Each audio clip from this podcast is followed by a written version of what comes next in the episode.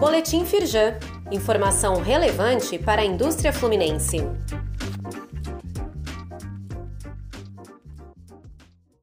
Edição de quinta-feira, 25 de novembro.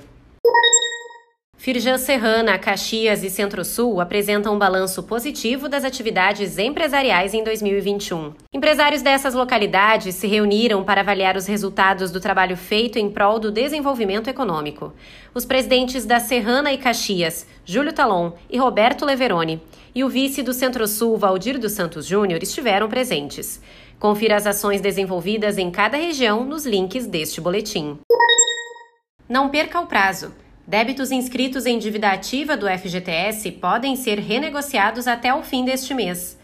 Entre os benefícios está o desconto de até 70% nos valores devidos ao fundo e prazo ampliado para pagamento em até 144 prestações. Confira para quais contribuintes o acordo está disponível e o que é necessário para fazer a adesão.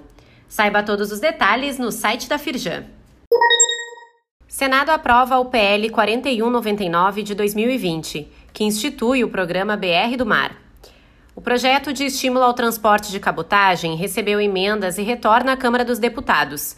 A Firjan trabalhou pela aprovação da matéria junto aos senadores e continuará atuando em defesa da aprovação do programa, de importância para a cadeia logística e para o ganho de eficiência do setor. Saiba mais sobre essas e outras ações em nosso site www.firjan.com.br e acompanhe o perfil da Firjan nas redes sociais.